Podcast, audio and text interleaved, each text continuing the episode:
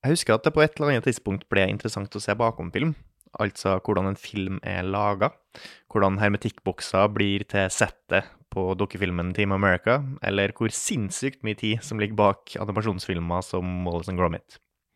Enhver film kan jo ha en bakomfilm, og i prinsippet kan jo enhver bakomfilm også ha en bakomfilm, osv., osv. Man havner jo aldri helt bak kamera før man faktisk er fysisk på et filmsett. Dagens gjester er Remi Sørdal og Torgrim Forbergskog. De er rekvisitører, en av mange roller som må til bak kamera, for å sørge for at det foran kamera og på opptak blir bra når man lager film, serier eller reklamer. Torgrim vant i 2021 Gullruten for beste rekvisitt for sin jobb med serien Rådebank.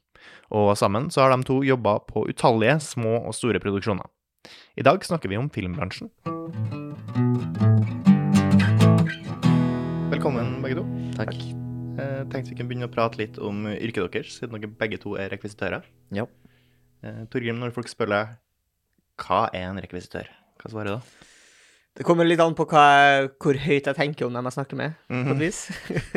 hvor eh, pedagogisk skal man være Fordi eh, noen på en måte vet hva en rekvisitt er, Ja. og så kan man da tenke sånn Ha, en rekvisitør, det er jo kanskje en som har noe med det å gjøre. Men hvis du ikke helt vet hva en rekvisitt er, så pleier jeg bare å si at eh, i en film så er det mange ting, og de tingene må skaffes eller lages på et vis. Og det er jo typisk meg eller Remi. Ja. Uh, eller begge, som Ja. gjør, det. Men det som også er litt interessant med norsk rekvisitørstandard, er at ofte vi gjør alt. Trenger ikke nødvendigvis bare være fokus på rekvisitter. Vi kan òg eh, dresse en location, eller eventuelt bygge en location, som rekvisitør, fordi alle bare gjør, gjør en innsats da, for å få ting til. Altså i USA og England for eksempel, så er det jo større spekter på avdelingene, så det liksom, der er det mer sånn spesifikke oppgaver du gjør, mens i Norge så er det veldig sånn at vi hjelper alle, liksom.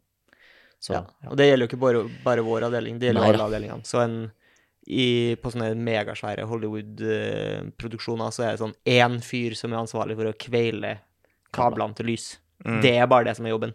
Som vil si at du, mesteparten av dagen så står du og venter. Men hvis du ikke har gjort den ene lille jobben du skal gjøre, så har du gjort en jævlig dårlig jobb, da. Ja. Og i Norge så er det jo sånn at det er lavere budsjetter, så hvis det skal gå, så må alle gjøre litt av hvert. Mens eh, på utenlandske produksjoner er det ikke lov, ikke sant, fordi det er jævlig hardt beskytta av sånne guilds.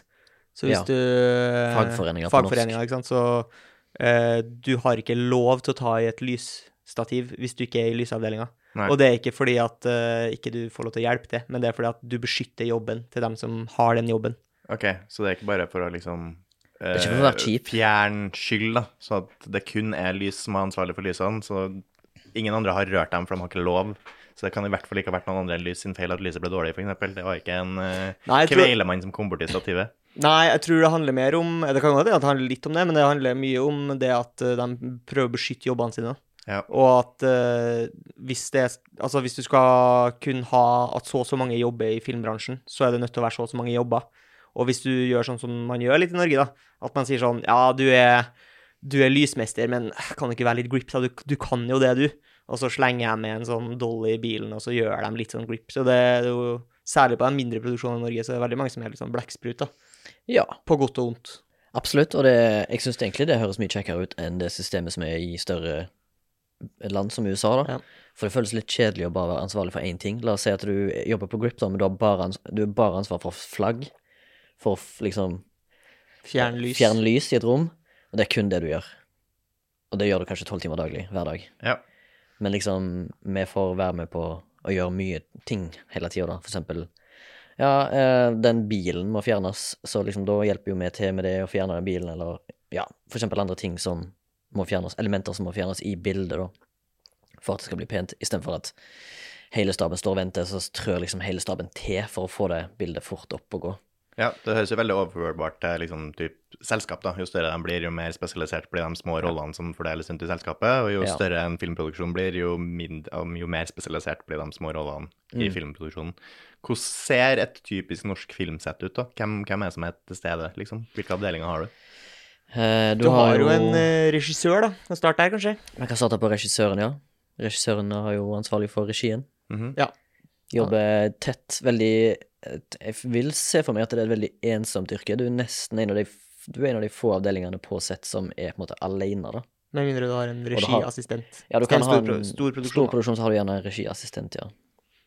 Og, en, eh, og du kan også ha en statistregi, da. Så du kan jo være tre, eksempel, i den avdelinga. Og så har du jo som, som regissør da, er du ansvarlig for at manuset skal bli fulgt, liksom? At du får alle shopsene til manuset? Hva Nei, er liksom det er faktisk prosjektet? skripten okay. sin uh, oppgave. Å passe på at man har fått alt man skal ha. Mens som regissør så har du på en måte det kreative ansvaret. ja. Og dramaturgien, hvis jeg kan kalle det det. Ja, så du instruerer skuespillerne, eh, men du bestemmer også sammen med foto hvilke type bilder man skal lage.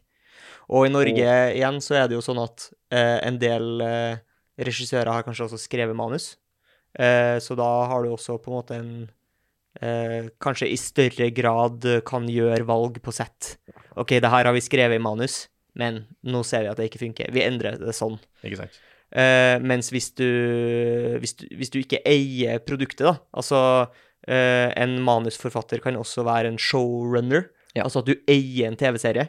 Jeg har skrevet manuset til eh, Skallebank, den nye trønderske krøstmetall-TV-serien. Ja. Eh, som gjør at jeg også eier Altså, jeg har det kreative eierskapet til hele TV-serien. Ja. Så jeg får royalties og sånn, det går til meg, ikke nødvendigvis til regissøren. Og hvis regissøren skal gjøre endringer, så er det typisk sånn, da må han eller hun ringe meg og si sånn Det her funker ikke, kan vi gjøre det? Mm. Og så må vi vente på svar, fordi at det er jeg som har den kreative liksom sluttmakta, da. Ikke sant? Så har du Eh. jo skuespillere, det sier seg sjøl. At du har skuespillere på et sett. Ja. Det blir ofte Det er jo ikke alltid. Det kan jo være på. eh, Ja, det kan være, kan være noen bare sånne bybilder som blir skutt, og da kaller vi det gjerne for en eh, second unit som skyter noen bybilder eller Stocks. Stocks, ja. Ja, Stocks. Klippbilder. I klippebilder. Eh, og så har du jo ja, skuespillere, og så har du jo selvfølgelig filmfotografen, eller eh, DOP, som det kalles. Ja. Director of Photography. Eller bare fotograf på norsk. Og i utlandet så kan det gjerne være en som på en måte bare har eh, ansvaret for å designe bildene. designe bildene, men eh, da har du en egen kameraoperatør som Ja. styrer kamera. Så kan han si sånn Du må peke dit, og vi skal ha det utsnittet her. Ja. Mens han trenger ikke nødvendigvis å holde i et kamera. Mens Men- i Norge så er det jo typisk at uh, DOP-en Er egen- kameraoperatør i tillegg. Mm. Og så har gjerne kameraoperatøren slash DOP-en Han har gjerne en eh, fokuspuller, eller en eh, B-foto. B-foto, som det kalles på norsk. Og det er en egen person som står og styrer fokus, og da selvfølgelig da på eh, Hva skal jeg si På kommando for enten regi eller DOP-en, hvor fokuset skal ligge i scenen. Hvis eksempel det er et, et scene med en forgrunn og en bakgrunn, og det er to ting som skal være i fokus etter hverandre, så er det en egen person som styrer hvor fokuset skal ligge. Og gjerne på Q, da. Ja. Så kan si, regi si sånn Akkurat når hun feller en tåre, så må du skru fokus sånn at du får litt eh, Da vil jeg ha litt Glins i øynene. Glins i øynene. Ja. Mm. Og så har gjerne kameraavdelinga også med en, en teknisk assistent, da. Ja, en kameraassistent. Og det er gjerne sånn som følger opp med batterier og At monitorer funker. ja, at, at monitorene til resten av crewet er oppe og går. Det som kalles for Video Village. Det er gjerne der eh, crew, sminkeavdelingen, rekvisitører, script sitter og ser på monitor for å sørge for at sin avdeling blir dekka. Og monitoren er jo da eh, TV-en, da. Har en liten TV i Og det er gjerne ofte flere TV-er. Det er små håndholdte, og så har nesten alle i crew har en egen monitor på noe som En en. En app som heter Viewer. Som er en sånn slags TV, da. Som En TV som du kan se, Ja. se Det monitor, det, det, det nesten ferdige produktet. Eller det er jo ikke ferdig ennå, for det er ikke behandla, men opptaket, så at du kan se opptaket. Ja. Ja. Ja. Trenger ikke å vente på at uh, filmen uh, må fremkalles. Går Nei. på uh, riksdekkende TV før Nei. du kan se på det. Nei. Og så har jo kameraavdelingen kanskje en underavdeling igjen, Grip. Ja. Men det er vel Grip det heter på norsk òg? Grip heter det på norsk, ja. Og Ja. det er jo dem som har ansvaret for hvis ting liksom skal festes i andre ting. Ja, eller kameratekniske apparater, som for eksempel en dolly-rig eller en jib, Ja. vil jeg tro. Hva vil du En kran, for eksempel? Kran. Hva er en dolly-rig og hva er en jib? En dolly er jo En slags, liten bil. Nei, nei, nei. Jo, det er en slags Det liten er- bil. Det er et kamera som er festa på et slags, en, en slags vogn. på skinner, sånn at du kan få en veldig sånn smooth bilde som glir gjennom et Kjøring. Ja, det kalles for en kjøring, da. At kameraet skal gå langt, men bildet skal være jevnt og fint. Da kaller de, Det er en grip som gjerne håndterer en dolly-rigg, da. Mm. Og da bygger jeg en sånn fin skinner, kan de gjøre, for eksempel. Da. Men må jo- det gå på skinner? Nei da. Nei, det fins jo noe som heter gimbal, som er litt mer sånn steadycam, gyrobasert. Som du kan få en, nesten den samme effekten av. Mm. Men det er alt ettersom Der er det smak og behag fra eh, fotograf, da. Eller så kan du ha en dolly som ikke går på skinner, som bare går hjul rett på Ja, bakken. kan jo være en, Alt kan, som filmer mens det beveger seg i et jevnt tempo, egentlig. Ja, men så lenge det underlaget er fint, da. Grunnen til skinner er at du kan bygge et jevnt underlag. Så hvis du er eksempel i en, eh, på en grasslette, da, som har ujevnt underlag, så bygger gjerne gripen opp en lang eh, En Skinne. lang skinne, som kanskje kan være Ser ut som togskinner, togskinner, ser liksom. ut som togskinner.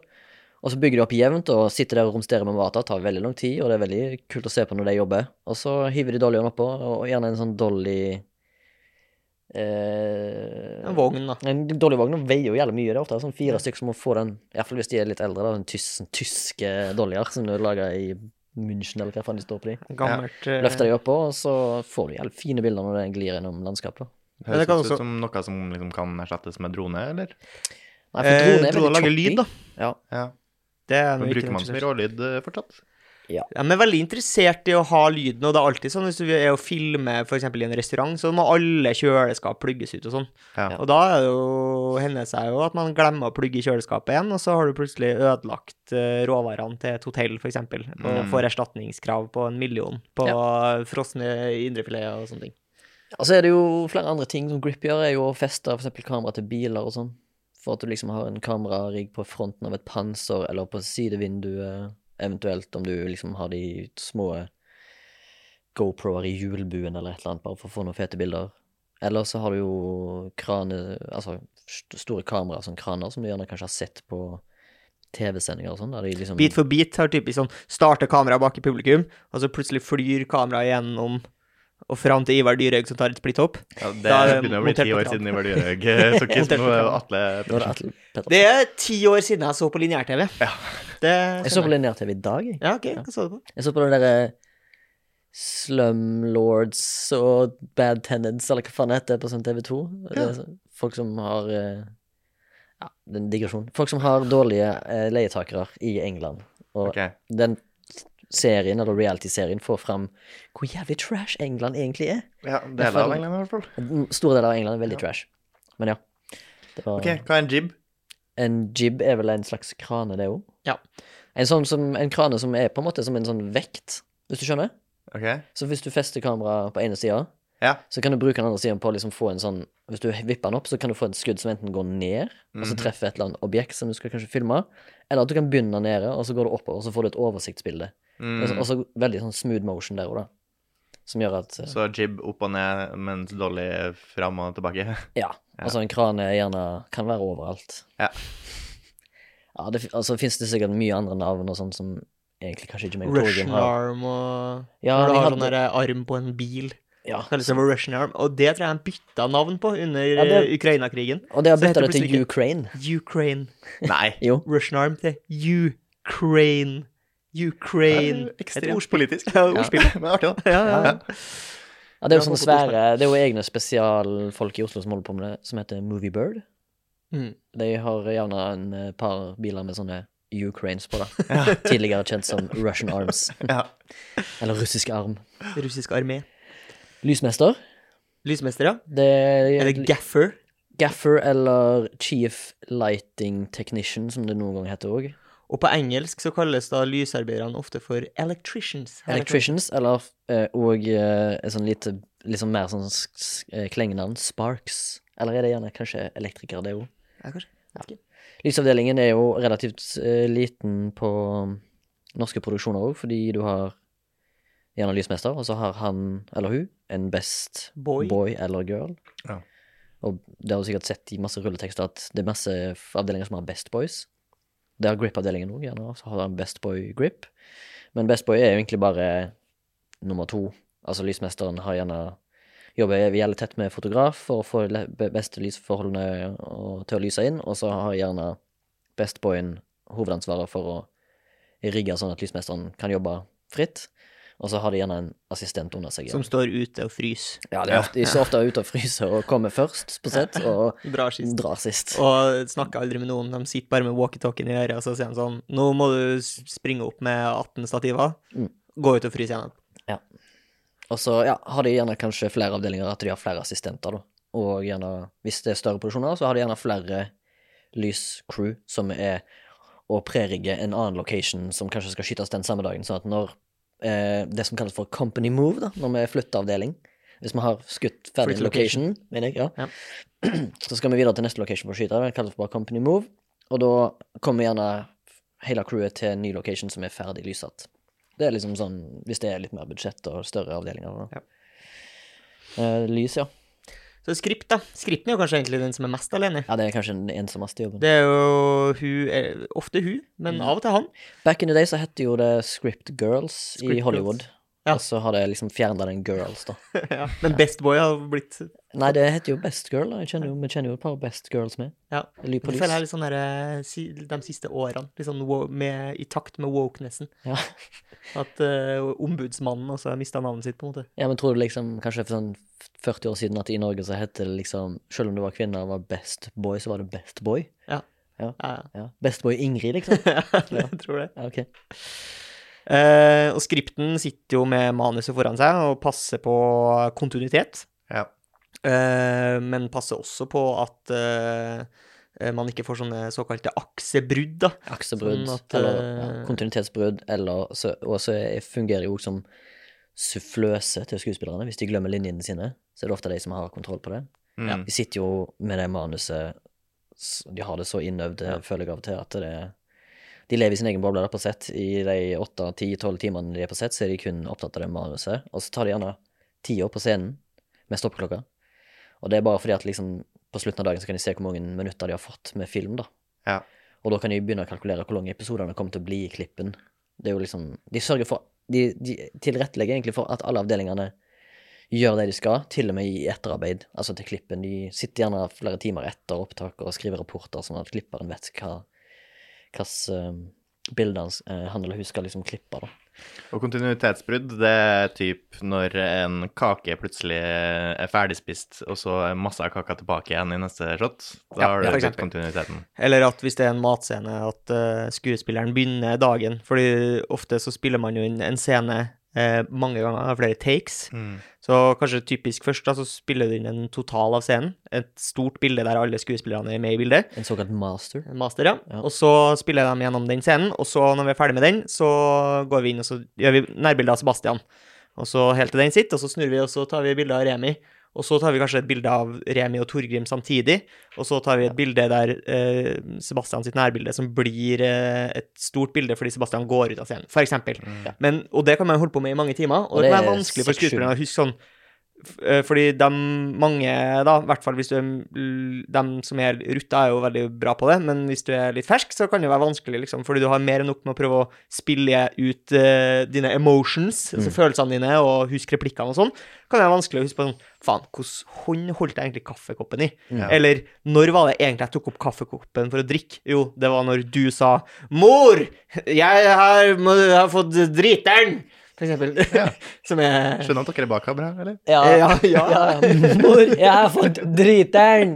Og da skal jeg ta Da skal jo jeg med høyrehånda ta en sånn Ja. Ja. Og Så må- masteren, da Hva det- mener du, driteren?! Kan jeg si da. Ja. Ja. Som en typisk sånn uh... Og så må Men det skje sju ganger. En master er en slags uh, visualisert manus, da. Du visualiserer manus, og da har du flere detaljer. Så er det sånn, ok, nå skal vi se tilbake. Hvordan var det i starten av middagen? Jo, da hadde du koppen på høyresida. du, du da kan- når vi skal ta nærbildet på Torino, så husker vi, ok, på masteren, jo, der hadde du koppen på høyre høyresida. Da bruker vi det. det, det kan man bruke det til. Ja. Eh, altså at man kan gå tilbake og se hvordan gjorde vi det egentlig i masteren. Eh, men det er også på en måte bare sånn at alle skal være enige om hva det egentlig hvordan, En ting er jo hvordan man leser manuset. En annen ting er liksom Nå må vi bli enige om hva den scenen her egentlig skal være. Ja. Mm. Og så filmer man jo den masteren til regi, regi tenker sånn Yes, sånn gjør vi det, på en måte. Så det er en, kan man si, en slags øving på et vis. Ja, men kaller det for blokking, men det er vel før vi går i opptak, så er det en blokking. Da gjennomgår vi scenen uten at kamera går, eller at lyd går. Da er det gjerne sånn at Og så er det en teknisk blokking, kanskje, og da øver gjerne kamera på bevegelsene sine. Og de som driver med lyd, opptak. De øver gjerne kanskje hvor, hvem som snakker, sånn at de kan få øvd inn hvor de skal stå med bommen og ta opp lyd. Ja. Og så Hva er aksebrudd, da? Aksebrudd er på en måte Det er en litt sånn teknisk sak, men for oss så er det veldig sånn naturlig at uh, hvis vi filmer deg, og du sier din replikk, og så klipper vi til mitt bilde, og jeg svarer, så ser det ut som at vi ser på hverandre. Ikke sant? Selv om det er bare deg i ditt bilde, og bare meg i mitt bilde, så ser det ut som vi ser på hverandre. Så hvis du uh, tar det bildet vi har filma av deg, og det bildet vi filma av meg, og setter det opp ved siden av hverandre, så ser du mot venstre bildekant, mens jeg ser mot høyre bildekant. Ja. Eh, da vil du få følelsen av at eh, Eller seeren vil harmoni, da, liksom. Ja. Harmonere litt bedre. får eh, et bilde av hvordan folk sitter i forhold til hverandre eh, i det rommet som filmes. Mm. Mens hvis begge ser til Hvis jeg og du har en samtale, og begge ser i høyre bildekant, så blir man veldig sånn forvirra, og det er ikke sikkert at man helt klarer å sette fingeren på hvorfor gir ikke det her mening for meg nå. Mm. Eh, så er det derfor. Nettopp. Et Eh, aksebrudd. Et aksebrudd. Du har brutt aksen. Så Men det det er sånn går når jeg har sett to personer, én ser mot uh, høyre, og person to ser mot venstre, så uten at jeg har sett bilde tre, så føler jeg at jeg sitter imellom dem. For eksempel. Ja. Du tenker kanskje på aksebrudd og akser når du er her, og når du, når du har filma dette? Bitte litt. Jeg kan eh, bli forvirra ofte hvis jeg ser talkshows. Mm. Eh, så ser man jo eh, eksempel Nytt på Nytt, da sitter de jo ved siden av hverandre i et panel. Eh, og hvis, det da, eh, hvis de da har juksa i klippen, Mm. eh, der de har funnet ut at hvis du sier det her, og du reagerer, Ja. så blir det veldig morsomt. Eh, men så eh, Zoomer dem ut, og så Hæ, satt ikke dere ved siden av hverandre? Ja, Kjemperart. det er akkurat det. Det, Det det, det er litt sånn jarring eller ubehagelig, eller du skjønner ikke helt hva, hvor logikken er, da. Men ja. du innser det når du ser masteren, da, på en måte. Eller når du ser fulle bildet. Så ser Ja. du hvor alle sitter. Vil du at vi skal fortsette med Ja, ja, gjerne. Nå har vi gått gjennom Vi eh, snakka jo så vidt om lyd. Lyd, ja. Ja, og de eh, pleier jo ofte på norske produksjoner å være to stykk. To, ja. Og eventuelt noen ekstra folk på det som kalles for en bom. Altså en shotgun-mic som de står med på en svær bom. Så sitter en sånn lang pinne med en mikrofon i enden. Det er jo Ja. da en bom. Det er en bomoperatør. Ja, og han skal liksom ta uh, lyd Så du har en uh, sånn mikrofon på en sånn pinne, da, en bom. Eh, det er én mikrofon som han liksom flytter Sebastian prater, så har vi eh, mikrofonen over der, og så Ja. prater Remi, så, så flytter vi mikrofonen over til han. Mm. I tillegg så har de jo da på seg sånne mygger, sånne Ja. små mikrofoner som er gjemt inni klærne. små bodymygger som de har. Eh, og så er det da typisk én person som sitter på en tralle og styrer Får inn alle lydsignalene, får inn bom-signalet, får inn alle myggene på sånne spaker bortover, sånn at eh, lyden ikke sprenger og hører at det blir på en måte bra, da. Kalles hvis- gjerne A-lyd eller opptakslyd eller lydsjef. De som sitter med denne her miksepulten sin. Ja. Og hvis lyden Og på en måte er dårlig, så er det liksom ikke så lett å redde, da. Det er en veldig dyr prosess. Ja. Eh, Det er derfor at eh, de går og skrur, eh, napper ut alle Ja. kjøleskap og Men jeg har inntrykk av at flere og flere serier så er det dubba i etterkant. Men det er også en dyr prosess. Ja. Ja. Eh, og jeg tror, jeg tror, uten at jeg vet det helt sikkert, så tror jeg at i, Hollywood så er nesten alt ADR. Og at du, den lyden du gjør på sett, er liksom referanselyd, da. Mm. Men det tror jeg ikke er noe man har sånn i veldig stor grad råd til i Norge. Det er rett og slett veldig dyrt. Og ofte så kan det føles litt sånn fake hvis den hvis den, Hvis den lydmiksen ikke blir gjort ordentlig, Ja. så høres det ut som at alle sitter og prater rett inn i mikrofonen. Så Ja. du tenker sånn Den lyden her, den kommer ikke fra det rommet her. Det Nei. er ikke sånn lyd det lager å sitte og prate inni et bitte lite klasserom, eksempel. Jeg er jo veldig var på det, men jeg har reagert nylig på en ganske dyr produksjon der de står på en måte på en klippekant, og så prater de der, og så er det veldig mye sånn ekko, og så er det sånn Nei, Nei, her er det ingenting der blæser det ut mot havet. Det er ikke, du får ikke noe mye ekko der. Det, det er ikke sånn det høres ut. Og I tillegg til at eh, ADR, eller eh, et, ettersynk, da, lyd, eh, kan være dyrt, så er det òg eh, Det kan jo være sånn hvis det er uerfarne skuespillere eller ferske skuespillere, så kan det være vanskelig å replikere Eller hva heter det? Replikere sine egne linjer i Mm. studio etterpå. Og det kan være sånn eh, Det kan bli litt sånn Bryte litt med At det bryter litt illusjonen, da. Når, Ja, du, når du ser at det ikke stemmer helt. Mens veldig erfarne skuespillere som har jobba i 30 000 år, de eh, har gjerne Hvilke skuespillere har vi som har jobba i 30 000 år? Jeg føler liksom um, Kristoffer Joner? Kristoffer Joner har jobba i 30 000 år. Uh, han derre Hotell Cæsar-karen som jobba til han var 97, eller hva faen han ble. Torvald Mørstad Ja, Mørstad. Toralf. Toralf Toralf. Maurstad. Rolf Mørstad. Ja. ja, Han er jo bare 30 000 år. ja. Ja, han har sikkert gjort mye ADR. Men eh, jeg Vi jobba på en TV-serie nettopp. Uh, Perny heter den. Og der er det jo en eh, Cal, en gammel Cal, som jobber der som skuespiller. Som har gjort filmer siden 60-70-tallet. Eh, eh, Nils Ole Oftebro heter han. Nils Ole Oftebro. heter det. Ja. Eh, Jeg holdt på, holdt på nesten på å si navnet hans i Feil rekkefølge. Nei, i, i Perny. Å ja, i Pørni. Ja, Den heter Ole Johan. Eh, men eh, han snakket om at han hadde gjort en film på 70-tallet som For før så skjøt jo med filmkamera, og de hadde veldig store, tunge eh, sånne motorer som lagde mye lyd, så mye av den lyden som ble tatt opp, var referanselyd, så nesten alle eldre filmer i Norge var i all hovedsak ettersynka, da. Ja. For det var fått ikke mer øving på ettersynk. da, Ja, så det tror jeg at folk som har liksom vokst opp med det, har mye mer øving på, på ettersynk. I lydavdelinga så har du også en veldig morsom eh, funksjon som eh, kommer eh, i, på det etterarbeidet, og det er jo dem som er Foley artists. Altså hvis de dem som er lyd, eh, lydfolk på sett ikke har fått med seg alle lydene, f.eks. Eh, lyden av at du åpner en ølboks, eller lyden av sko mot asfalt, så det er at det kommer ei flue i bildet. ja, så det er noen som må lage de lydene i ettertid, Ja. og det er sånne Foley artists som gjør, og da på en måte bruker de jævlig sånn sjuke teknikker for å Ja. lage sånne lyder. Sånn lyden av en som knekker nakken, så sitter de liksom med masse pasta, eksempel, eller liksom de Eller uh, enda kanskje gøyere er jo i Star Wars, der det er veldig mange lyder som må finnes opp. Mm. Altså, lyden av et lasersverd måtte jo finnes opp. Det var ingen som hadde laga den lyden før. Eller lyden av eh, Tie Fighter. TIE Fighter eller eh, laserpistol. Eh, så er det noen som må lage den, og da er det jo typisk en eh, altså en eh, Foley artist, altså en eh, som gjør sånne lydinnspillinger, men så er det også en lyddesigner, da. Ja. Sikkert en sånn fagsjef som da har enda større vekt i Hollywood, da, uten at jeg skal skryte med at jeg Jeg tror ikke det er så mange forlige artister i Norge som kan gjøre det til vanlig, tror jeg. Vet ikke, aner ikke. Ofte så har de jo også- biblioteker da, fulle. Ja, Jeg husker også det eksempelet med Star Wars, der liksom dørene det er liksom bare en, et ark som går ut og inn av en konvolutt, eller hva da. Ja.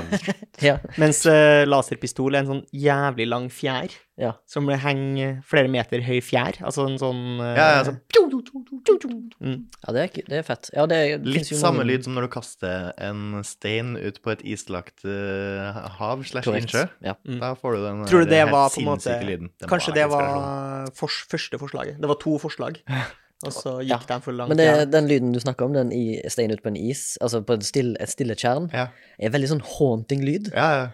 Jeg, jeg, eller, jeg Og veldig sånn fremmed og alien. Ja, veldig.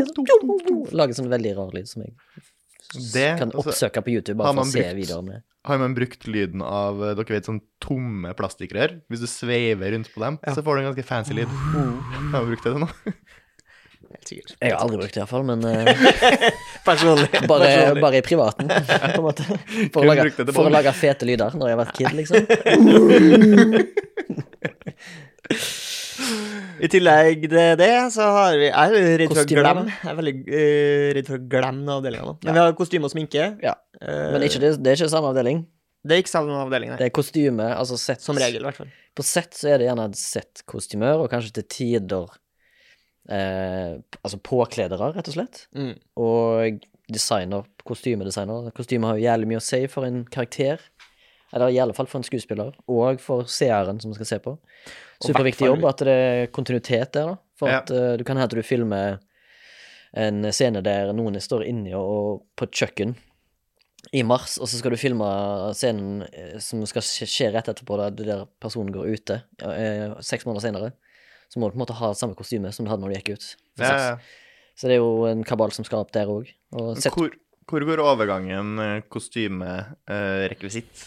Det er, kan være veldig vanskelig eh, av og til, syns jeg. Ja. Eh, fordi at det noe, hvis noe brukes i en scene, så er det gjerne en rekvisitt, sånn til hovedsak, ville jeg sagt. Ja.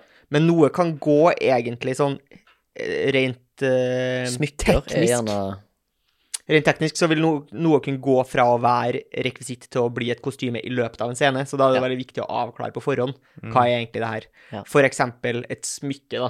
Eh, som eh, jeg, jeg ville egentlig tenkt at hvis en karakter har et smykke på seg som ikke er et poeng i scenen i seg sjøl, Mm. eh, at det er på en måte At den fyller samme rolle som genseren har på seg, det det er pynt. Det er noe på en måte kostymeavdelinga har tatt på den her for å på en måte gi den her utstrålinga, så vil jeg si at det er kostyme, mens eksempel hvis det er en scene der det er sånn eh, Sebastian går ned på ett kne, og han har kjøpt en gave til henne. Det er et smykke.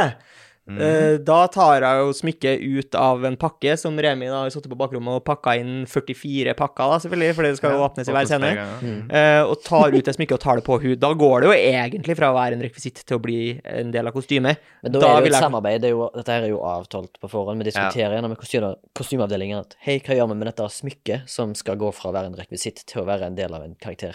Ja. Sitt, sitt kostyme. Og ofte så har jo da kostymet eh, noen Duplikater.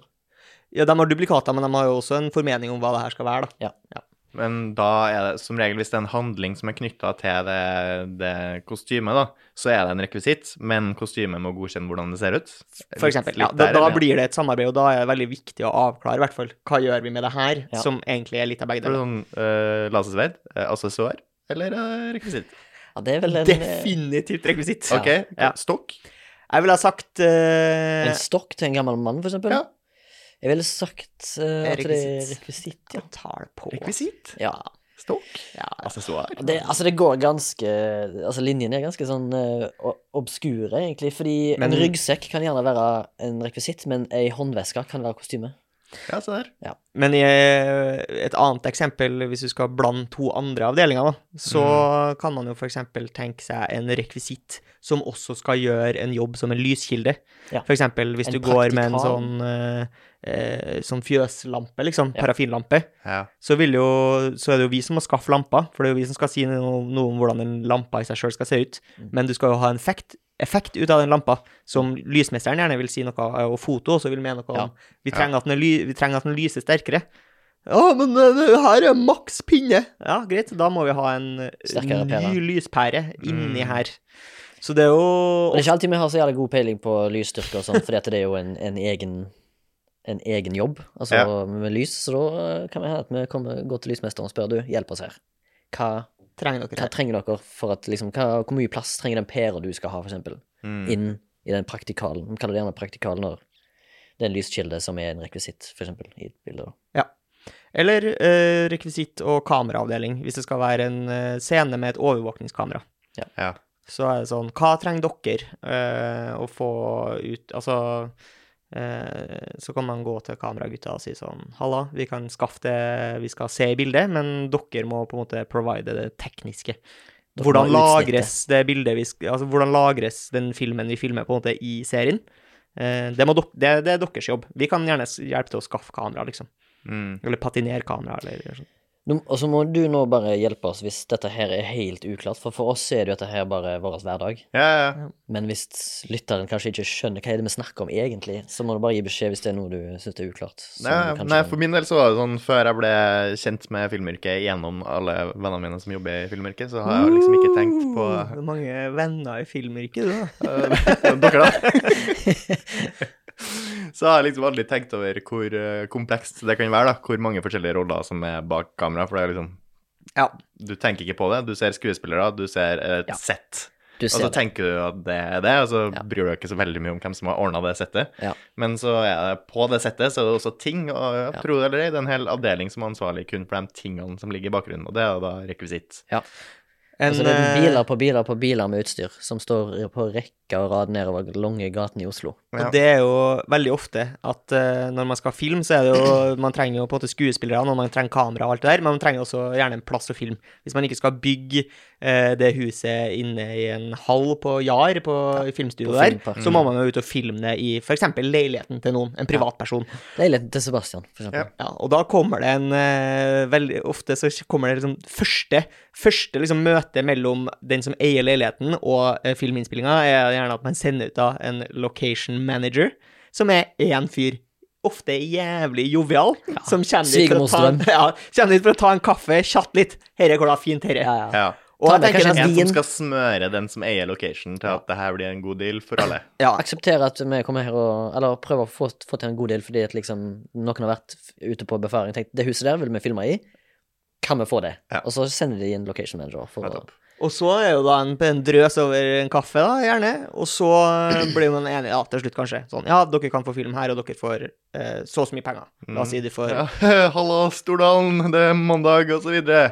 Ja. Hadde vært rått å spille inn noen scener Ja. nede ved poolen din, Ja, eller? ja, og så er det sånn Å, så jævlig kult her, da, vet du. Det er jo helt unikt her å prøve å selge inn, ikke sant. Gi location-eieren en eh, god følelse på at uh, det her blir artig for alle involverte. Ja. Ingenting blir ødelagt. Nei, og jeg tenker det sånn uansett nesten eh, hvor mye man på en måte informerer om hva som kommer til å skje her, så klarer de aldri å egentlig helt forestille seg eh, hva som kommer til å skje.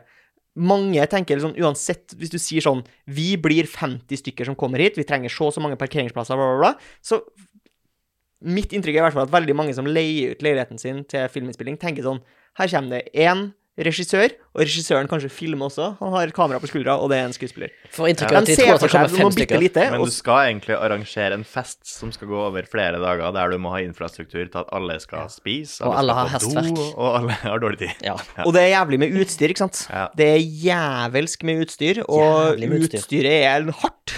Ja. Det, er, det blir en del uh, slitasje på plasser der det filmes. Det er masse stativer Og det skal sies, vi prøver jo alltid å være omfintlige, spesielt med rekvisittavdelingen. Ja. Men det fins jo noen avdelinger på et filmsett som ikke alltid har det som første prioritet. Ofte så er det jo Men, jeg, men min erfaring er i hvert fall at hvis de som vi som jobber i filmbransjen, syns jo det er veldig deilig om de som eier leiligheten, aldri kommer innom mens vi er der og filmer. Ja. La oss arbeide i fred. Men det skjer noe av og til at de kommer innom, og da blir de jo alltid De får jo helt bakoversvis. Mm. De føler seg totalt eh, Overkjørt. overkjørt ofte, da. Og, og kanskje bare liksom Du kommer hjem, og så bare sånn Her står det 20 biler på utsida. Det er ikke parkeringsplass her nå i liksom en mils omkrets. Ja. Og det, du kan se resultater av at noen kanskje har eh, ikke sagt ja til en sesong to av noe, når du ser at en ny sesong av en serie har de bytt Hele familien har bytta hus. Ja. Og det har gjerne skjedd sånn for eksempel, for eksempel i Hvite gutter så tror jeg de har et ny, nytt hus hver sesong i seks sesonger. Og det er på grunn av at de, de har aldri fått lov til å komme tilbake. Nei. Kanskje, I don't know, men eh, Så er det jo også på en måte noe med at hvis du er location-eier på sesong én noe, så har du ganske gode forhandlingskort når det skal forhandles eh, sum eh, til sesong to. Og der tror jeg jo også det er mange som på en måte eh, prøver å tøye den strikken så langt at Sånn er det vel i en- i enhver forhandling. er jo at Hvis den ene parten tøyer strikken for langt, så er det jo på en måte en slags fuck you. Ja. Da er det mer sånn OK, greit. Men da kan det hende at det blir dyrere med et annet alternativ. Men du oppførte deg ufint mot oss nå, så nå vil vi ikke lenger det. Uansett. Det, det Det point of no return, på en måte. Hvordan er leie, leieprisene på et sånt prosjekt? da? Hvor mye kunne jeg leid ut leiligheten her for, liksom? 53 kvadrat på Majorstua. Hvor hvor mye kunne jeg fått av en filmproduksjon? Jeg tror det varierer veldig på en måte hvilken type produksjon det er. reklame Eh, betaler gjennom mer. reklame kanskje øverst, da. Hvis det er en Telenor-reklame som skal spilles inn, så kunne du sikkert ha fått uh, Jeg aner ikke, 100 000 da, for en uke. Okay. Ja, kanskje. Ja. Kanskje. Hvis, det var, hvis du hadde en veldig spesiell leilighet, så kunne han i hvert fall kanskje krevd noe sånt. Og den klausulen, de pengene skal på en måte dekke da slitasjeskader, kanskje, i tillegg. Ja. Mens hvis du, så har du jo på en måte skalaen hele veien ned. Du har liksom TV-serier og Kortfilm. film, og så ned til kortfilm, og så liksom studentfilm. Og studentfilm så er det på en måte sånn eh, 2000 kroner, liksom, og et klaps på ryggen. Og så måker vi opp for seg selv. Var, Eller bare en, var ikke dette eh, koselig, liksom? ja. På en måte. Eller bare en Rioja 250 på Vinmonopolet, liksom. Ja. Det holder, det. Eh, Men du lurer på kanskje hvordan vet vi hvor vi skal, og hvordan vi kommer oss der til? Det er jo ofte eh, Det er jo en egen avdeling som på norsk heter eh, innspillingsassistent, eller second AD. De lager dagsplaner. Altså produksjons... Altså innspillingsavdelingen. Ja, du har jo First AD, innspillingsleder. Okay. Det er jo gjerne den som sitter og har styr, og, styr på hele settet, så at ting skal gå etter planen og tidspunkter, og sørger for at liksom, vi blir ferdig med det vi skal bli ferdig med. Det kalles for innspillingsleder, eller uh, som det heter på engelsk First AD, altså First Assistant, Director. Altså regissørens på en måte litt sånn vakthund. Sånn at han sørger, sørger for at alle gjør eh, jobben sin i løpet av dagen, og at de kommer gjennom mål. Og da har First AD-en, eller innspillingslederen, har gjerne en assistent som driver kun å jobbe med dagsplanene for neste dag. Mm. Sørger for at eh, alle, alle i crewet får utlevert en plan, en dagsplan, en, det som kalles for en, en crew call, eller en Ja, det kaller du det bare for en crew call. Eller dagsplan. Dagsplan, ja. Crew, crew call. Få liste over oppmøtepunkter, hvor du skal møte, linker til location, Hvilke scener skal hva gjøres. scener skal gjøres, manus, nummer og alt det greiene der. Det er det en person som sitter dedikert og jobber med nesten gjennom hele dagen. Og så har gjerne den avdelingen igjen en third, altså en innspillingsassistent, assistent, Ja. på en måte. Sørge for at skuespilleren ikke vandrer off og bare sitter i en telefon eh, nede på brygga og ingen ser han eller hun. Ja. Gjerne sånn at de henter inn nye skuespillere til scenene, sånn at ting skal gå smooth, da. Passe på at statistene ikke forsvinner og sånne Ja. ting. Ja. Forsyne seg catering. Ja, forsyne seg i cateringen, ja.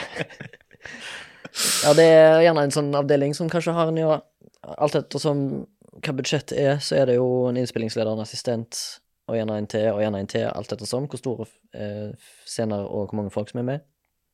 Det er rett og slett dem som er, som navnet tilsier, ansvarlig for at innspillinga skal bli gjort. Ja. Uh, Ja. De er dag én, og så ser vi ok, det tar litt for lang tid, det Ja. tar litt for lang tid, vi må bare kutte ned på det. Ja. Dag to, nå gjør vi det her mer effektivt enn Yes. dag én, folkens. Så man kan si at uh, hvis eh, regi har uh, det kreative ansvaret, uh, overordna ansvaret på sett, så har eh, innspillingslederen det praktiske overordna ansvaret. Ja, Ja. Gjerne den som sier sånn eh, kjør lyd og kamera, og ser Stille på sett. stille på sett og ser for at alle skal være klar til sine oppgaver. Og så er det Mm. gjerne den personen som også sier 'vær så god', liksom, til scenen. Og da kan alle avdelingene jobbe seg inn i den scenen og få spilt den inn, da. Men også sånn, hvis man ser at det tar lengre tid enn det tar, så er det jo den personen som ringer inn til eh, produsenten, som er på en måte det økonomiske ansvarlig for hele produksjonen, og sier å, det går skikkelig stampe i dag, eh, vi kommer ikke gjennom det vi skal gjennom, kan vi få overtid? Ja. Det er jo dritdyrt, og så kan eh, produsenten si eh, ja, dere kan få overtid, og da må man jo spørre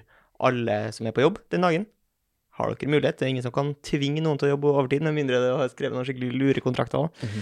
Så må man jo spørre alle sammen. Hei, kan vi gå en halvtime over i dag? Ja, ta det gjerne i plenum i lunsjen, da, så spør du. Hvis det er noen som ikke kan jobbe over tid, gi beskjed til oss, så finner vi en løsning. Og så, ja, jobbe over tid. Ja, som regel så vil folk si ja til overtid, fordi du får ekstra betalt. Ja. Gilt. Ja, men det kan jo være slitsomt når det er overtid hver dag, eksempel på dag 70 på rad, liksom. Så kan det jo være slitsomt. Jeg, vil jo si det, hvis man på en måte skal snakke litt fra hjertet, og det som på en måte Det er jo veldig gøy å jobbe i, i, med film og TV i Norge, men det er jo eh, uforutsigbart, da. Så jeg tror jo at eh, det ikke er nødvendigvis så kompatibelt med å drive en familie, f.eks. Nei. Aldri vet når overtida kommer, eller uh, aldri vet om det skal filmes på kveld eller natt det neste uke. Og... Ja. Veldig praktisk å kalle det å drive en familie. Drive en familie. Når du drifter en familie. Du hører at jeg ikke er barn? eller? Høres ut som et selskap du drifter. AS. Ja. Forbergskog AS. Familie AS. Ja. Da er det jo maskør, eller sminkør, ja. har jo en egen avdeling. Sørger for at De er eh, opp tidlig, som regel. veldig tidlig skal sminke skuespillerne. Mm, for det tar tid. Eh, litt Tar varierende, sikkert. Ja. Det tar kjempelang tid, og så er det avhengig av hvordan tilstanden til skuespillerne er. Ja. La oss si at det er en, en eh, litt sånn actionbasert film, da. Så er det gjerne kutt og sår og sånn i trynet fordi at det har skjedd eh, i handlingen. Så må det, det må jo være kontinuitet på det òg, fordi vi kan jo filme eksplosjonen for seks uker siden, men eh, skal filme liksom den scenen som er rett etterpå. Da må gjerne de kuttene være helt like på samme plass. Mm. Jeg har på følelsen av og til, da eh, jeg, jeg vil jo si jeg, Det er kanskje egentlig den avdelinga jeg er mest imponert over. Jeg syns vi har veldig mange f veldig flinke maskører og sminkører i Norge som lager dritmye kule proteser og Ja. wigs og Ikke bare det, men bare det å lage For det er en protese. Er ikke det deres eh, domene? Hvis du har en litt større nese, for eksempel. Ja, ok. Så er det en SFX er eller en VFX. SFX, Men hvis du har eh, en fake leg, da?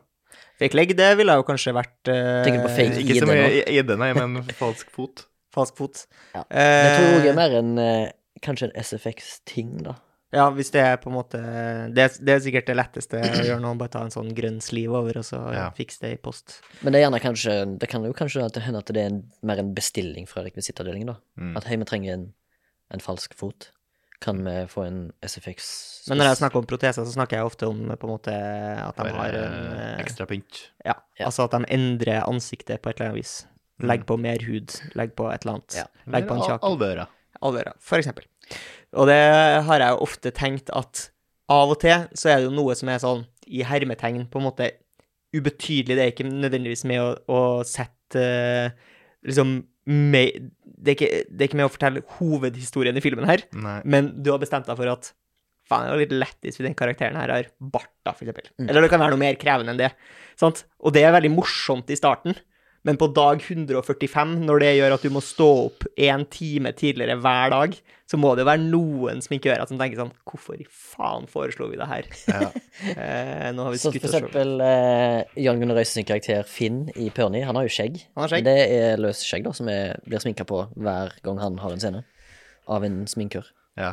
Og det, tar, det er tidkrevende, og det skal være kontinuitet i det skjegget, og de må sitte og følge med i monitor på at alt liksom henger på plass, da. I tillegg så skal det jo kanskje være noen close-ups, og da må de iallfall sørge for at det ser helt ekte ut. Så det er jo en sykt imponerende jobb.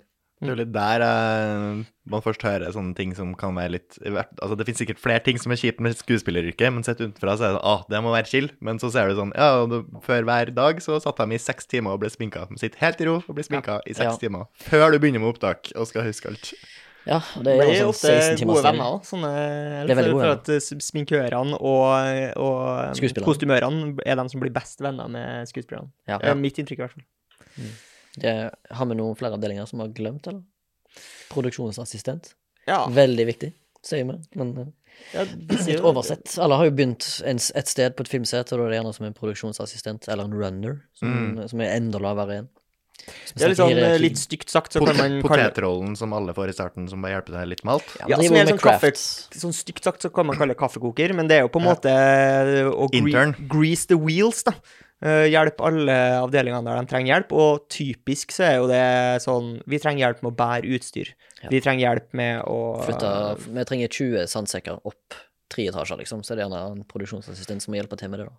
Men jeg tror jo også at uh, man, altså noen er jo på en måte proffe produksjonsassistenter og Ja. har lyst til å være det, og, og, og det er jo ingenting som er bedre enn å være på en produksjon der du har en god produksjonsassistent som uh, Fikser alt. vet hva de skal gjøre, ikke sant? Så, de, eh, så kaffen er alltid klar, og cateringen er klar, og Altså, det, det er nok med å gjøre at det er mye mindre murring i en produksjon, og det kan jo være et av de største utfordringene til en produksjon, Ja. som har holdt på veldig lenge, og folk er under høyt press, og det er ubehagelig og kanskje jævlig kaldt, og det er mye som er drit, kanskje.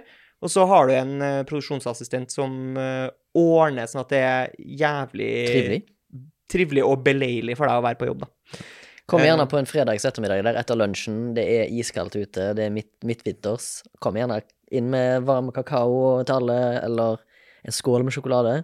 Så blir det liksom sånn god stemning da, med en gang. Når folk er litt sure kanskje, og litt slitne.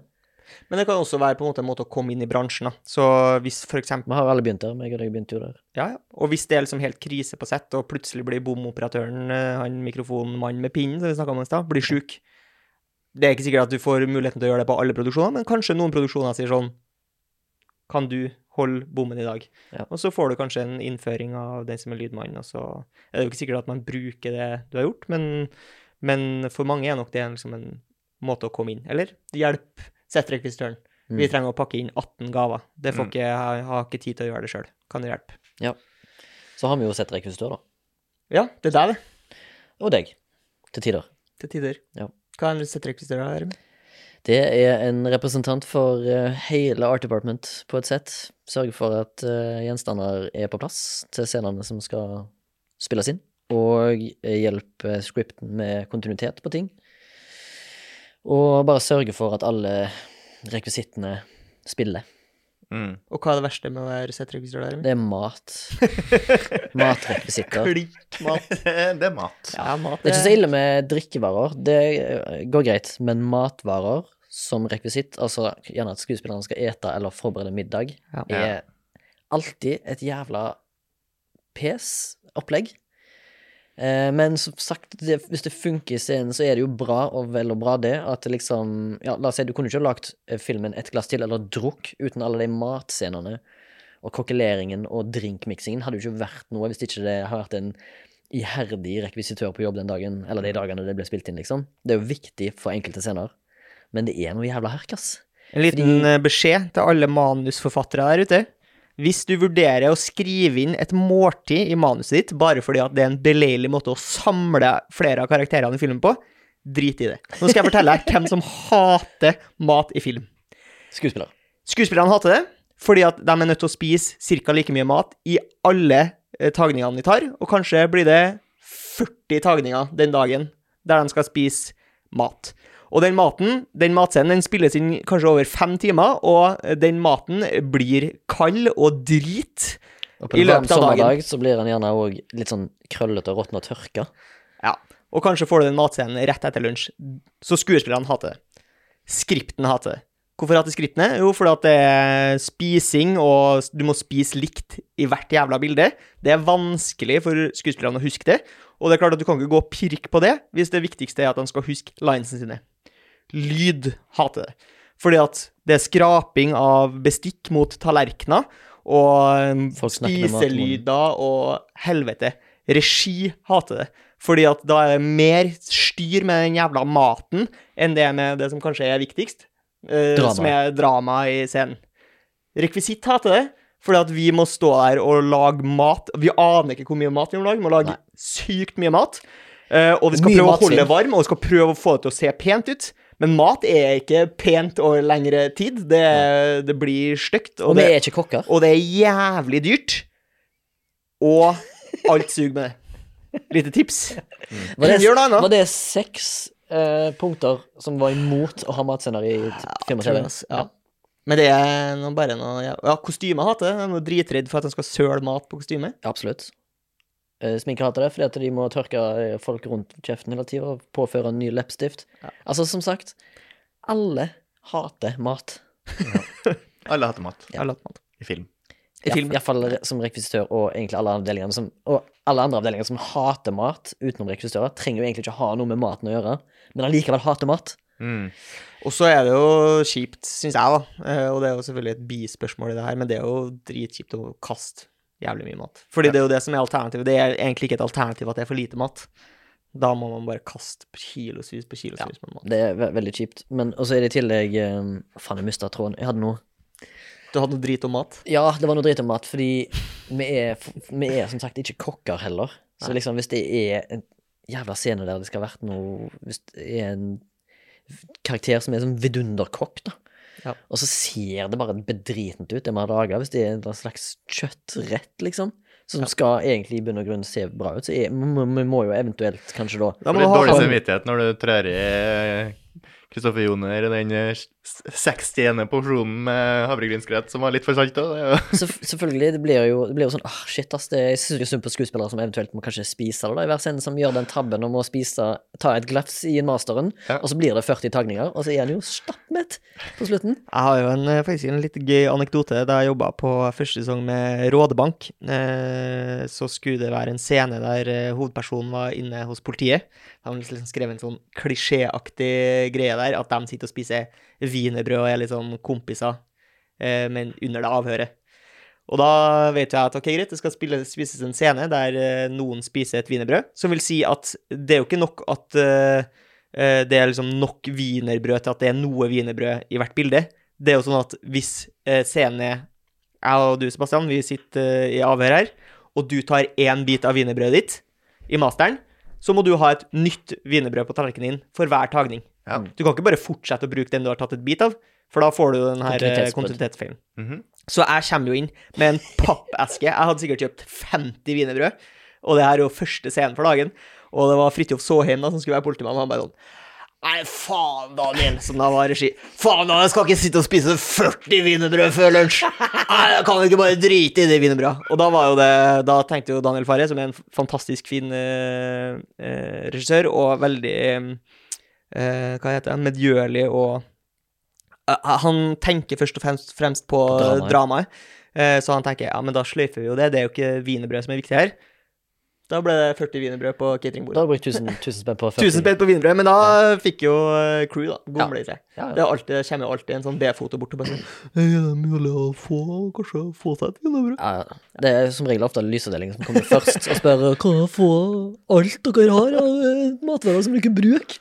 Er det mulig kanskje å få noe ostepop, eller Ja, Men ok, matsug. Hva er det råeste å gjøre som rekvisitør? Remi? Eh, kanskje det å lage ting på en måte. Bygge ting fra scratch. Altså hvis det er en Hvis det er noe kreativt bak det. Altså hvis manuset tilsier at du må lage noe som ikke fins. Mm. Gjerne For liksom eksempel en gjenstand, et våpen, eh, noe teknisk som skal funke i scenen. Det er veldig, veldig kjekt. Har du noe eksempel? Eh, eh, på Den dumme dag Mm. Så var det jo sånn eh, TV-serie som er postapokalyptisk, altså med gjenstander som skal på en måte eh, ikke, Det finnes ikke i verden, så vi må lage det. Det var jo alt fra sånne eh, adgangskontrollposter, sånne kodebrikker som lagde med lysanretninger på, og vi, da- vi hyrte vi gjerne inn en rekvisittmaker til å lage de mest avanserte tingene. Jeg ser for meg den der eh, greia som hadde med liksom den vaksinen, eller hva det var. Ja. Det blodet, eller hva det var. Eh, Den vaksineboksen i den er jo da Det var jo en jobb som ble outsourcet til en rekvisittmaker som lagde den for oss, og det var jo mye på grunn av at hadde brukt, vi hadde brukt altfor lang tid på å lage det Ja. sjøl, så vi hadde ikke tid, så vi må, bare outsource det, betale noen andre for å gjøre det. Men det hadde jo vært utrolig gøy å gjort sjøl, men det er jo litt sånn usikker på Hadde vi fått det til? Men sikkert med god nok tid så hadde vi nok fått det til. Men du hadde jo også, i den samme TV-serien, så er det en scene der det skytes et armbrøst inn i en jerrykanne. Ja. Og så skal det da liksom Sprute ut bensin, da. Ja. Jeg, på en Ja, måte, det det, står det jo i manus. Og så er det litt sånn Her må du jo lage en contraption. For du kan ikke ha med deg 10 000 jerrykanner på sett og satse på at du klarer å skyte den sånn at det blir akkurat som du vil ha det. Ja. Du, å la, du, du er nødt til å lage en slags eh, løsning. Du kan jo Ja, eh, det vi gjorde, det var jo det at jeg, jeg hørte med fotoregi var at kan vi lage sånn at eh, de bruker bare en kamerabevegelse for å simulere at ei pil blir skutt? Altså bare rene klippetriks. Og så lagde jeg en contraption med en gjerdekanne som jeg da hadde i bånn av, eller i nederste hjørne hadde bort et lite hull, og så hadde jeg på eh, finurlig vis lurt inn en gjennomsiktig slange, som da jeg hadde limt i det hullet. Og så putter jeg da bare en pil inni, fester den inni det hullet med den slangen, og så monterer jeg da en pumpekanne på baksida, eh, som da er usynlig, sånn at er lang nok at eh, settrekvisitøren som da jobber på sett for oss, han kunne stå på baksida av bilen der den pila ble skutt, og så stå og pumpa ut vann. Og så når den pila, så var det bare et kamera-swipe, så så det ut som den pila traff. Mhm. Og så da sitter han og bare holder en knapp inne med pumpekanna der og står kontinuerlig og spruter ut bensin, da Ja. fra den, fordi da er pila såpass montert inni det, eh, den slangen som er inni det hullet, at det liksom det får så mye trykk at det spruter ut. ja, og så får du illusjonen av at den pila akkurat har truffet Ja. siden det spruter ut. Ja, så, Og så kan du gjøre det så mye mange ganger du vil, da, fordi at da trenger du verken den sa- eh, 40 gjerdekanner, da har du den samme gjerdekanna, og så tar du bare scenen på ny, fyller på mer vann i pumpekanna, og så får du den samme illusjonen du vil ha hver gang. Ja, og at eh, antageligvis hvis du faktisk hadde skutt en pil inni en gjerdekanne, så hadde du ikke bensinen stått ut som en sprut. Den hadde antakeligvis bare pipla nedover langs sida, liksom. Ja. Og det er jo Det er jo av og til litt sånn merkelig ting, er at vi ønsker noe som ikke er realistisk, men det må føles realistisk.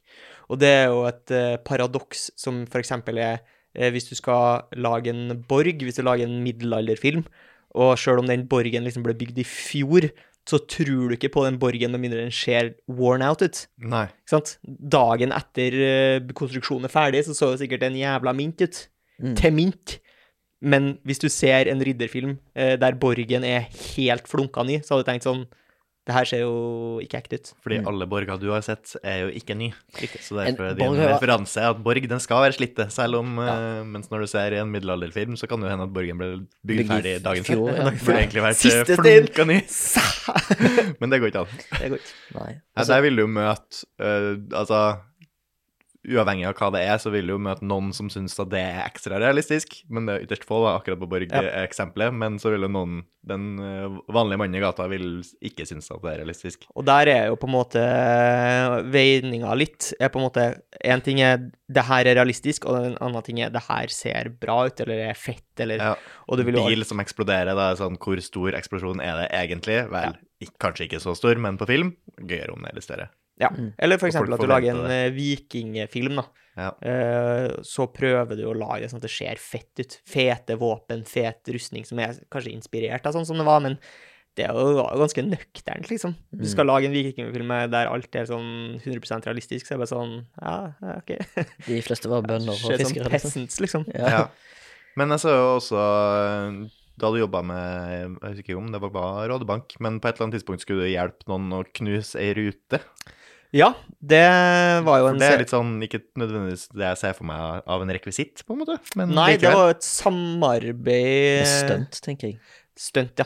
Eh, Det har vi jo kanskje ikke snakka om, men ja. fordi at det er ikke alle produksjoner som har stuntpersonale. Trenger ikke det nødvendigvis alltid. Eh, og av og til så holder det jo på en måte bare å ha inn en stuntkonsultasjon. Men det var altså en skuespiller som skulle knuse ei rute, og bilruter er jo ganske vanskelig å knuse. Så da måtte vi jo på en måte lage en contraption der vi hadde eh, en uh, pigg fra en nødhammer uh, imellom fingrene på skuespilleren. Uh, litt som et slags knokjern. Og så hadde vi en kevlar-vott som vi hadde teipa i hudfarge. Altså du, på en måte, du har jo en HMS-runde på det her, for det må være liksom trygt.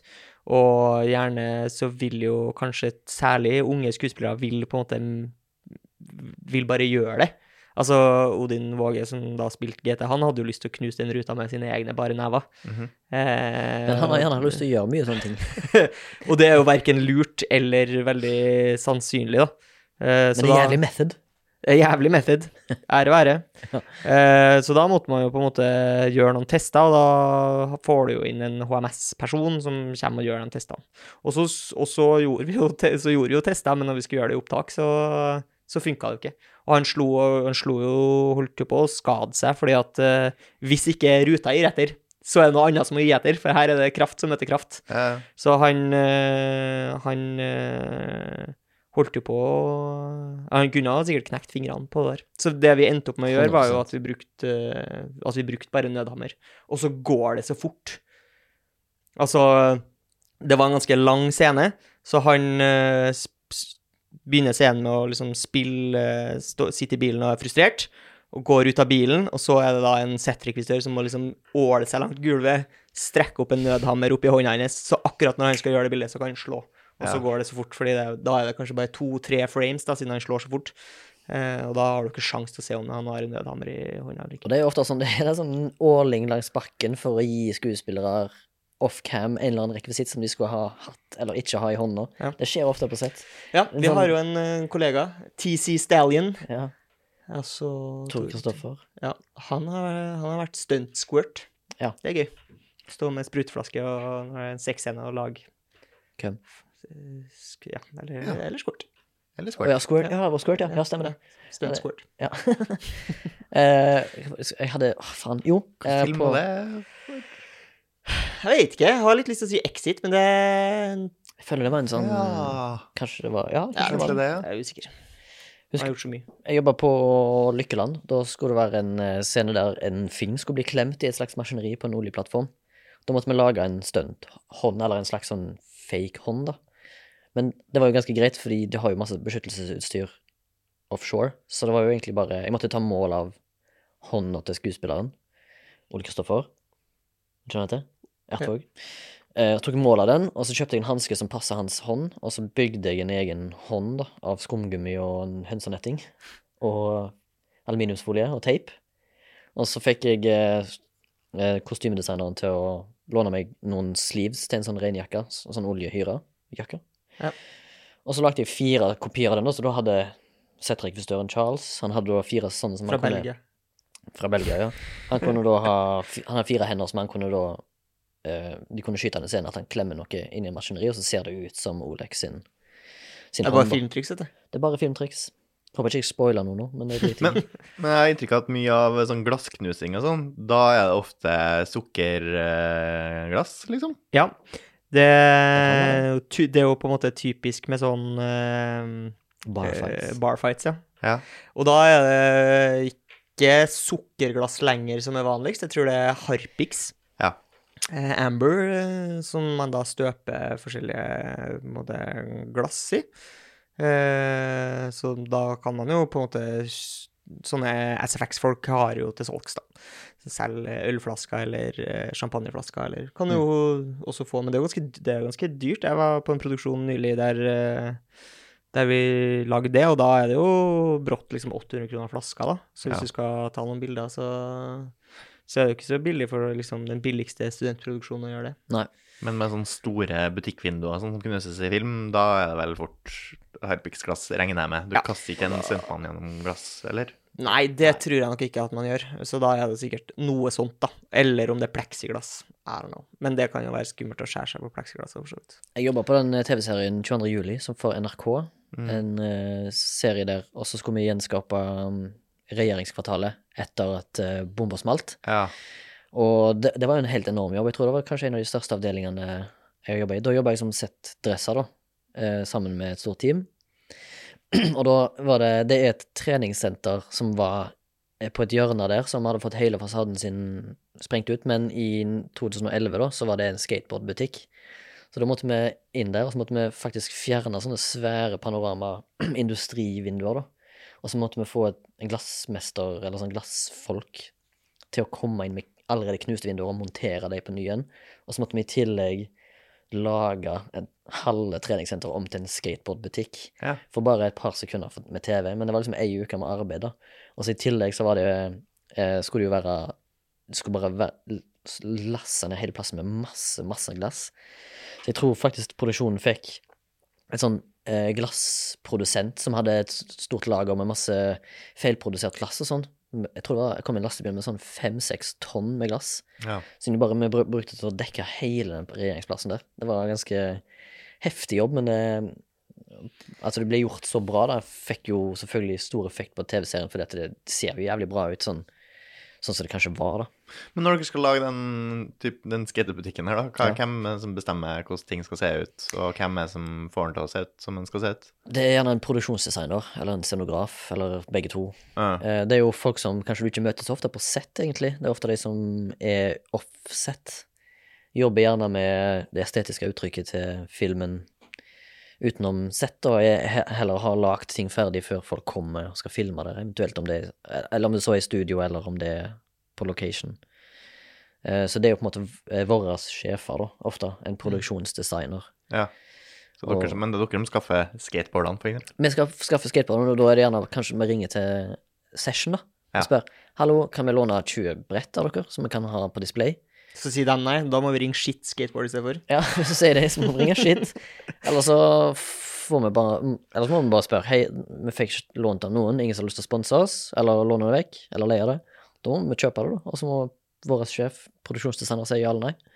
Ja. Mens de på en måte har mer ansvaret for hvordan ser leilighetene ut, f.eks. Hvilke farger skal det være på veggene, hvordan skal det innredes, hva er på en måte uttrykket i hele serien, da.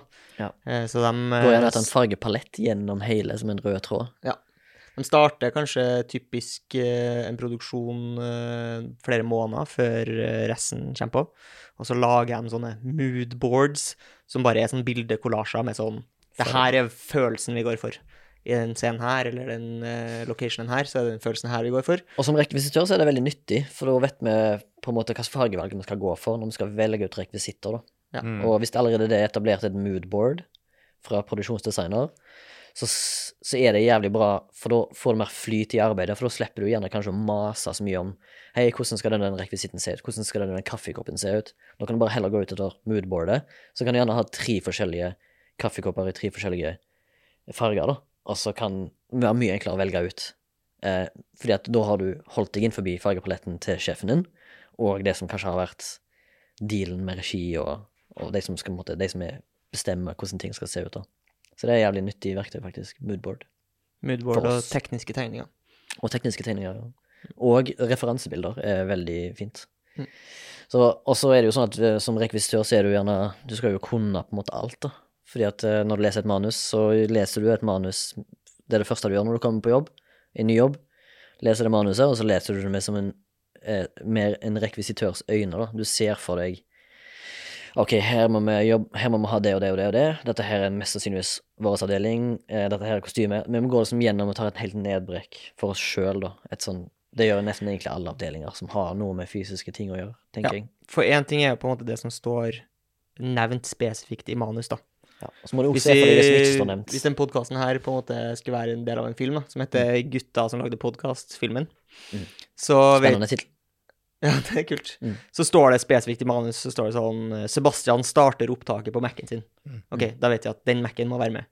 Men vi vet også at uh, ok, men hvis det her skal gi mening, så må vi jo ha mikrofoner. Det står kanskje ikke spesifikt i manus, men, men hvis du skal lage en podkast, så er du nesten nødt til å ha mikrofoner og ledninger og stativer og alt sånn. Mm. Mens i tillegg så står det kanskje heller ikke noe spesifikt om leiligheten, men en leilighet må jo også se ut som en leilighet. Kan ikke være helt tomt, så da må man kanskje lage noen hyller, og kanskje det må bare stå en stekepanne på ovnen og et glass med vann. Og det er liksom Ja.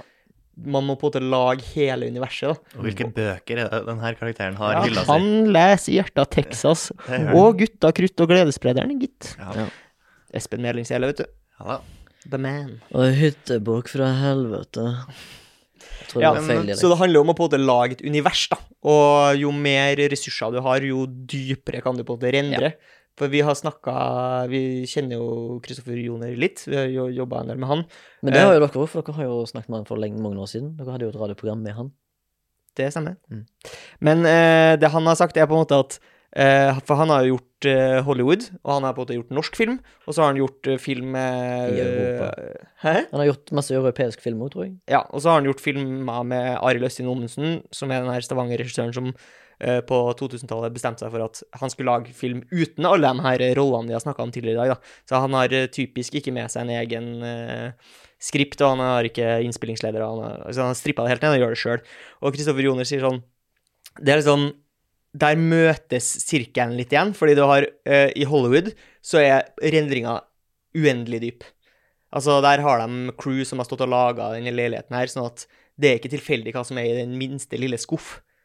Alt er liksom fullt rendra ut. Så når han skal er skådis, da, så kan han gå inn i et rom og begynne å åpne skap og ta ut ting. Ikke sant? Det, det er ikke noe Ja. issue. Mens uh, hvis vi jobber på en litt billigere produksjon, så er vi kanskje inne og filmer en location, og så vet vi sånn Vi har lagt den uh, spillerekvisitten har vi lagt i den skuffa her, så den kan du åpne, men vi har ikke ressurser til å dresse alle skapene i det huset her. Mm. Det går ikke. Åpne den skapdøra, ikke den. Mens på Arild sine produksjoner igjen, siden at produksjonen er så liten, så har det gått full circle, så der har han igjen full frihet, fordi at uh, her har vi ikke bygd leiligheten i studio. Det er hjemme hos Eh, det, det, det er filma hjemme hos noen, og du kan åpne alle skuffene, fordi det er ikke noe farlig, det som er der inne. Nettopp. Du har funnet et litt mer ferdig sett på Et litt, ja, ja, og at du på en måte tillater deg uh, at det her er rammene på produksjonen. Ja. Så vi, vi har ikke mulighet til å si at nei, det glasset her passer ikke inn i filmen. For det kan du på en måte gjøre på norsk spillefilm og si sånn eh, Nei, den personen her har ikke eh, nøgne øglass Ja. fordi at hun bor på Frogner. Mens på en rimelig produksjon så må man kanskje si sånn Ja, whatever, hun dama her, hun har nå det. Ja. Eh, som gir kanskje skuespillerne mer frihet, som kanskje gir et eller annet. Og så kan det jo godt hende at eh, gode produksjonsdesignere sitter og gremmes litt. Ja. Mm. Men uh, Torgrim, uh, Gullruten min uh, rekvisitør, hva er ditt kuleste oppdrag? Ehm, jeg syns jo litt som Remi at det er gøy når man skal lage eh, ting som ikke fins. Altså der ingen kan si liksom eh, Nei, det her blir feil, for en sånn ser ikke sånn ut. Fordi det er ingen som har sett en sånn ting. Så jeg, uten at jeg har gjort det sjøl, så ville jeg jo tenkt at f.eks. det å jobbe på sci-fi Mm. er jævlig gøy. Jeg kan se for meg at det å jobbe på produksjoner som Arrival, eksempel, der man på en måte lager ting som ikke fins, tror jeg er veldig gøy.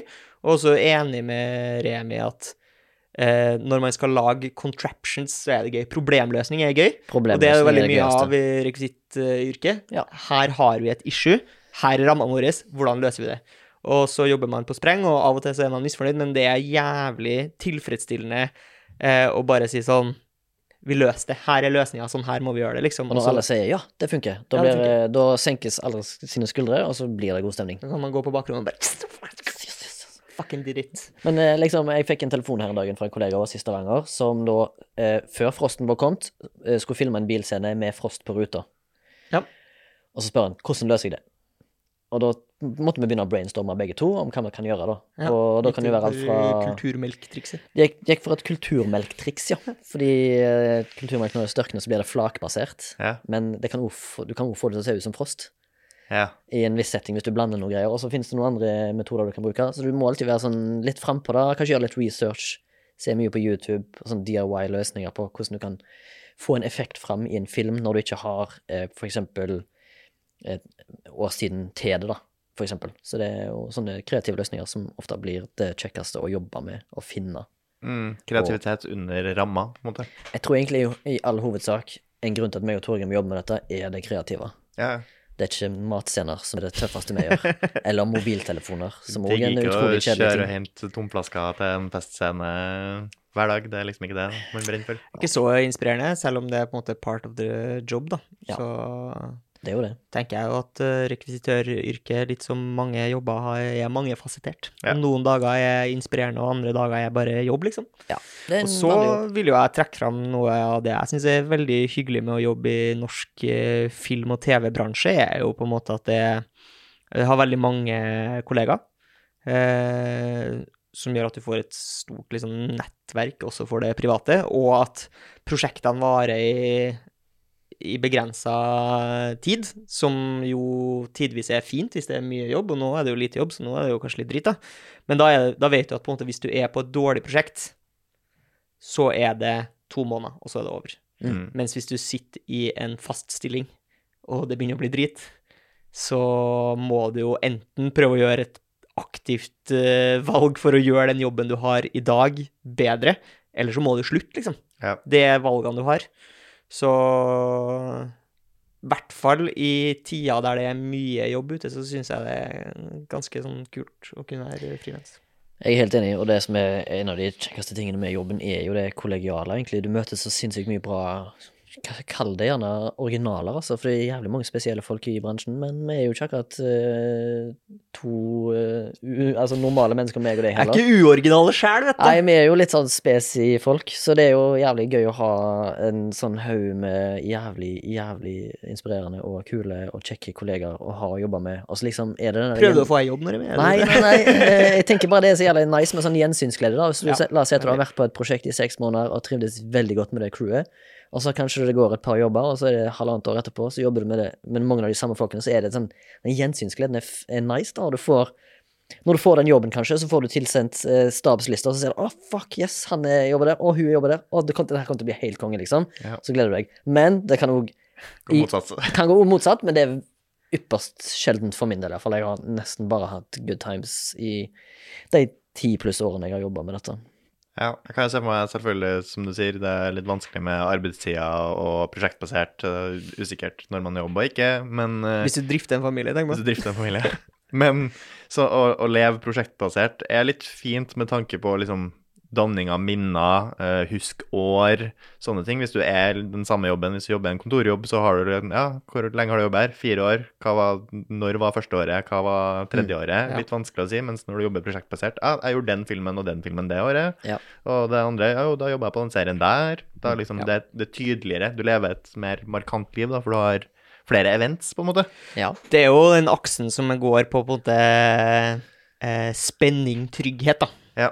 Og det merker vi jo nå, fordi vi har hatt ganske mange år der det har vært mange produksjoner i Norge.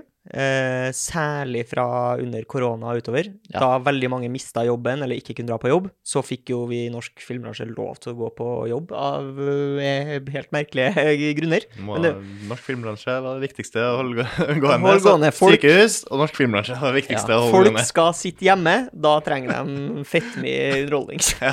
Ja. Det var kanskje logikken. Jeg vet ikke. Men det har vært eh, de siste fem-seks årene har det vært eh, mye produksjoner som gjør at det har vært en stor tilstrømning i bransjen. Altså det har kommet mange nye inn. Ja.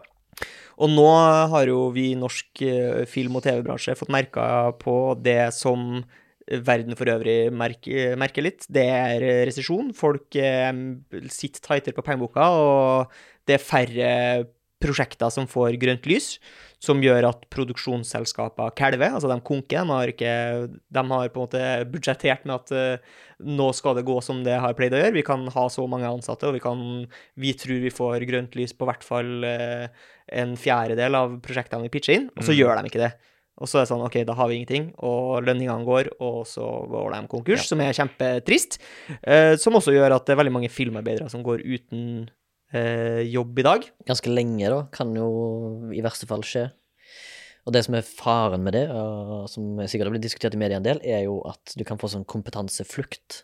At gjerne kanskje etablerte filmarbeidere De har faktisk ikke råd til å være arbeidsledige Ja. pga. at de drifter en familie, ja. og gjerne tar seg gjerne en fast jobb, da, en plass. Og så er den kompetansen vekke. Ja, for når da prosjektene begynner å ta seg opp igjen, så er jo han i en fast jobb og Ja. gidder kanskje ikke å gå tilbake til det livet. Ja, og det skjønner jeg jo veldig godt, for den usikkerheten Du kan jo ikke leve på dagpenger i et halvt år hvis du har en familie, liksom. Det er nesten halvparten av den lønninga du egentlig hadde. Så det er jo veldig lite, men eh, Ja, det er kjipt. Nå, akkurat per nå, desember 2023, Per nå så, som står, i en flaske hetvin. Ja. ja. så står eh, filmbransjen i Norge litt i knestående, føler jeg. At vi Det er mange som går og er usikre, og det, det kan være Folk er veldig engstelige, da. Ja. Spesielt. Og det er jo litt, eh, litt fordi at det er lite penger altså, i, overalt. Mm. Eh, NRK og TV 2 kutter eh, fordi at de har produsert så mye under eh, korona eller de siste årene. da. Så er det jo fortsatt produksjoner som rulles ut på te norske TV-skjermer som har blitt filma for to og tre år siden. Ja. Så de, på en måte, de har ikke noe nød nå med å få inn noen nye prosjekter. Eh, Viaplay Pluss de kutter 400 holder på å konke. De satsa jo stort i Canada og USA. Ja. Eh, og skulle prøve å konkurrere med Disney og Paramount og eh, Amazon og kan man jo tenke hvor smart det kanskje egentlig var, men og Viaplay var en utrolig stor arbeidsgiver for norske filmarbeidere. De hadde sikkert 40-50 produksjoner i Norden Ja. i året. Jeg ser jo TV 2 har kutta veldig mye i det siste. NRK har kutta. flagrer jo folk ut av TV 2. Ja. Ja. Og så er det også den måten som eh, Du har jo hatt eh, en del eh, entreprenører på podkasten din tidligere. Mm. Dere har snakka om eh, en modell som liksom har kommet liksom fra 2000-tallet og ut, er på en måte den derre vi, vi drifter i minus med det formålet å knocke ut andre. Som vil si at det er jævlig bra for forbruker i en periode, og det er bra for arbeidstaker i en periode. Og så oppstår det jo et enormt vakuum der du sitter her med monopolet. Kanskje én eller to aktører igjen. Mm. Eh, de har da hele på en måte seermassen, og kan velge og vrake i ansatte.